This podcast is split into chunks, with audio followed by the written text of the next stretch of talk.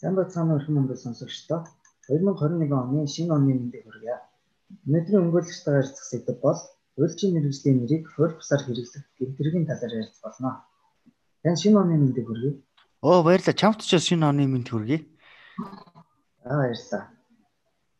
Сэдвийн өрөөнд асуухад хуульч гэж ямар үнийг ойлгох юм бол хуульчийн мэрэгжлийн үйл ажиллагаа болон онцлогийн талаар та тодорхой гэж. Аа за за. За мэдээж хэрэг энэ 2021 оны маань бас хамгийн анхны подкаст болж байна тийм ээ. Тэгэд өнөөдрийн сэдэв бол хуульчийн мэрэгжлийн нэрийг хууль бусаар хэрэглэх гэмтэргийн талаар бол ярилцъя гэж тохирсон байгаа. За мэдээж хэрэг бол энэ гэмтэрэгтэй холбоотойгоор бол хуульч хуульчийн мэрэгжлийн үйл ажиллагааны талаар бол ярилцсан зүйтэй байх. Тэгээ хуульч гэдгийг бол тодорхойлохдоо бол хуульчийн эрхцэн байдлын тухай хуульд заасан байдаг. Хуульчийн эрхцэн байдлын тухай хуулийн 3-1 нэгт зааснаар хуульч гэж хуульчийн мэрэгжлийн үйл ажиллагаа эрхлэх зөвшөөрөлт этгээдэг ойлгоно гэж тайлбарсан байдаг. А тэгэхээр хуульч болохын тулд ямар шаардлага шаардлагыг одоо шалгуурыг давдаг вэ гэхээр тусгуулийн 9 дугаар зүйлийн тодорхой заасан байдаг.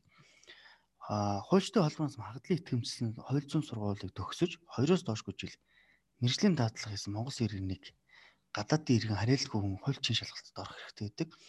Энэ шалгалтыг хуульчийн шалгалтаа ингээд орж тэнцээд а хуульчийн эрх буюу хуульчийн одоо хуульчаар ажиллах зөвшөөрлийг одоо тусгай зөвшөөрлийг авсан тийм этгээд хуульч байна гэж тодорхойлж болохоор одоо тэгэхээр хуульчийн мэрэгжлийн үйл ажиллагаа гэж яг юг болгоод юм гэхээр а бас мөн энэ хуульч эрхцэн байлын тухай хуулийн 3-1 орцсааснаар хуульчийн мэрэгжлийн үйл ажиллагаа эрхлэх зөвшөөрөл гэж хуульчийн мэрэгжлийн үйл ажиллагааг энэ хуулиар тогтоосон магадгүй зарчим шаардлагын дагуу эрхлэн явуулах эрхийг баталгаажуулсан аль биесний баримт бичгийг ойлгоод байгаа. Тэгэхээр сая миний өмнө хэлсэн хуульчин мэрэгжлийн шалгалтаа өгөөд тэнцсэн тэр хүн бол одоо хуульчин үйл ажил, мэрэгжлийн үйл ажиллагаа явуулах эрхийг баталгаажуулсан аль биесний баримт бичгээ гардаж авдаг гэсэн үг. Тэгэхээр ийм гардаж авсан баримт бичгтээ хүн бол бусдад хууль зүйн зөвлөгөө өгөх, мэрэгжлийн туслалцаа үзүүлэх ойлголт хэрэгтэнэ.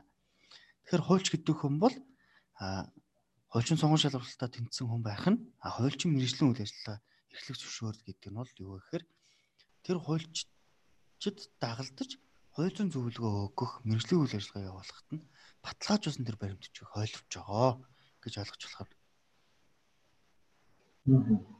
Хуульчин мэрэгжлийн нэрийг хууль бусаар хэрэгэлсэн хүн ямар төрлийн хариуцлага хүлээлгдэг юм бэ? Тийм. За эрг хуулийн 21-ийн 8 дугаар зүйлд зааснаар хуульчин мэрэгжлийн нэрийг хууль бусаар хэрэглэхээ гэсэн хууль зүйн хойлголт байгаа гэмтэргийн төрөл шинж байгаа.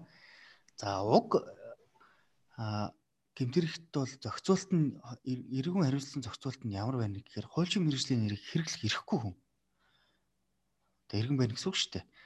А хуульчин мэрэгжлийн нэрийг ашигласан хуульчин мэрэгжлийн үйл ажиллагааг явуулсны улаас бусдын эрх хуульсны ашиг сонирхолд хохирол учруулсан.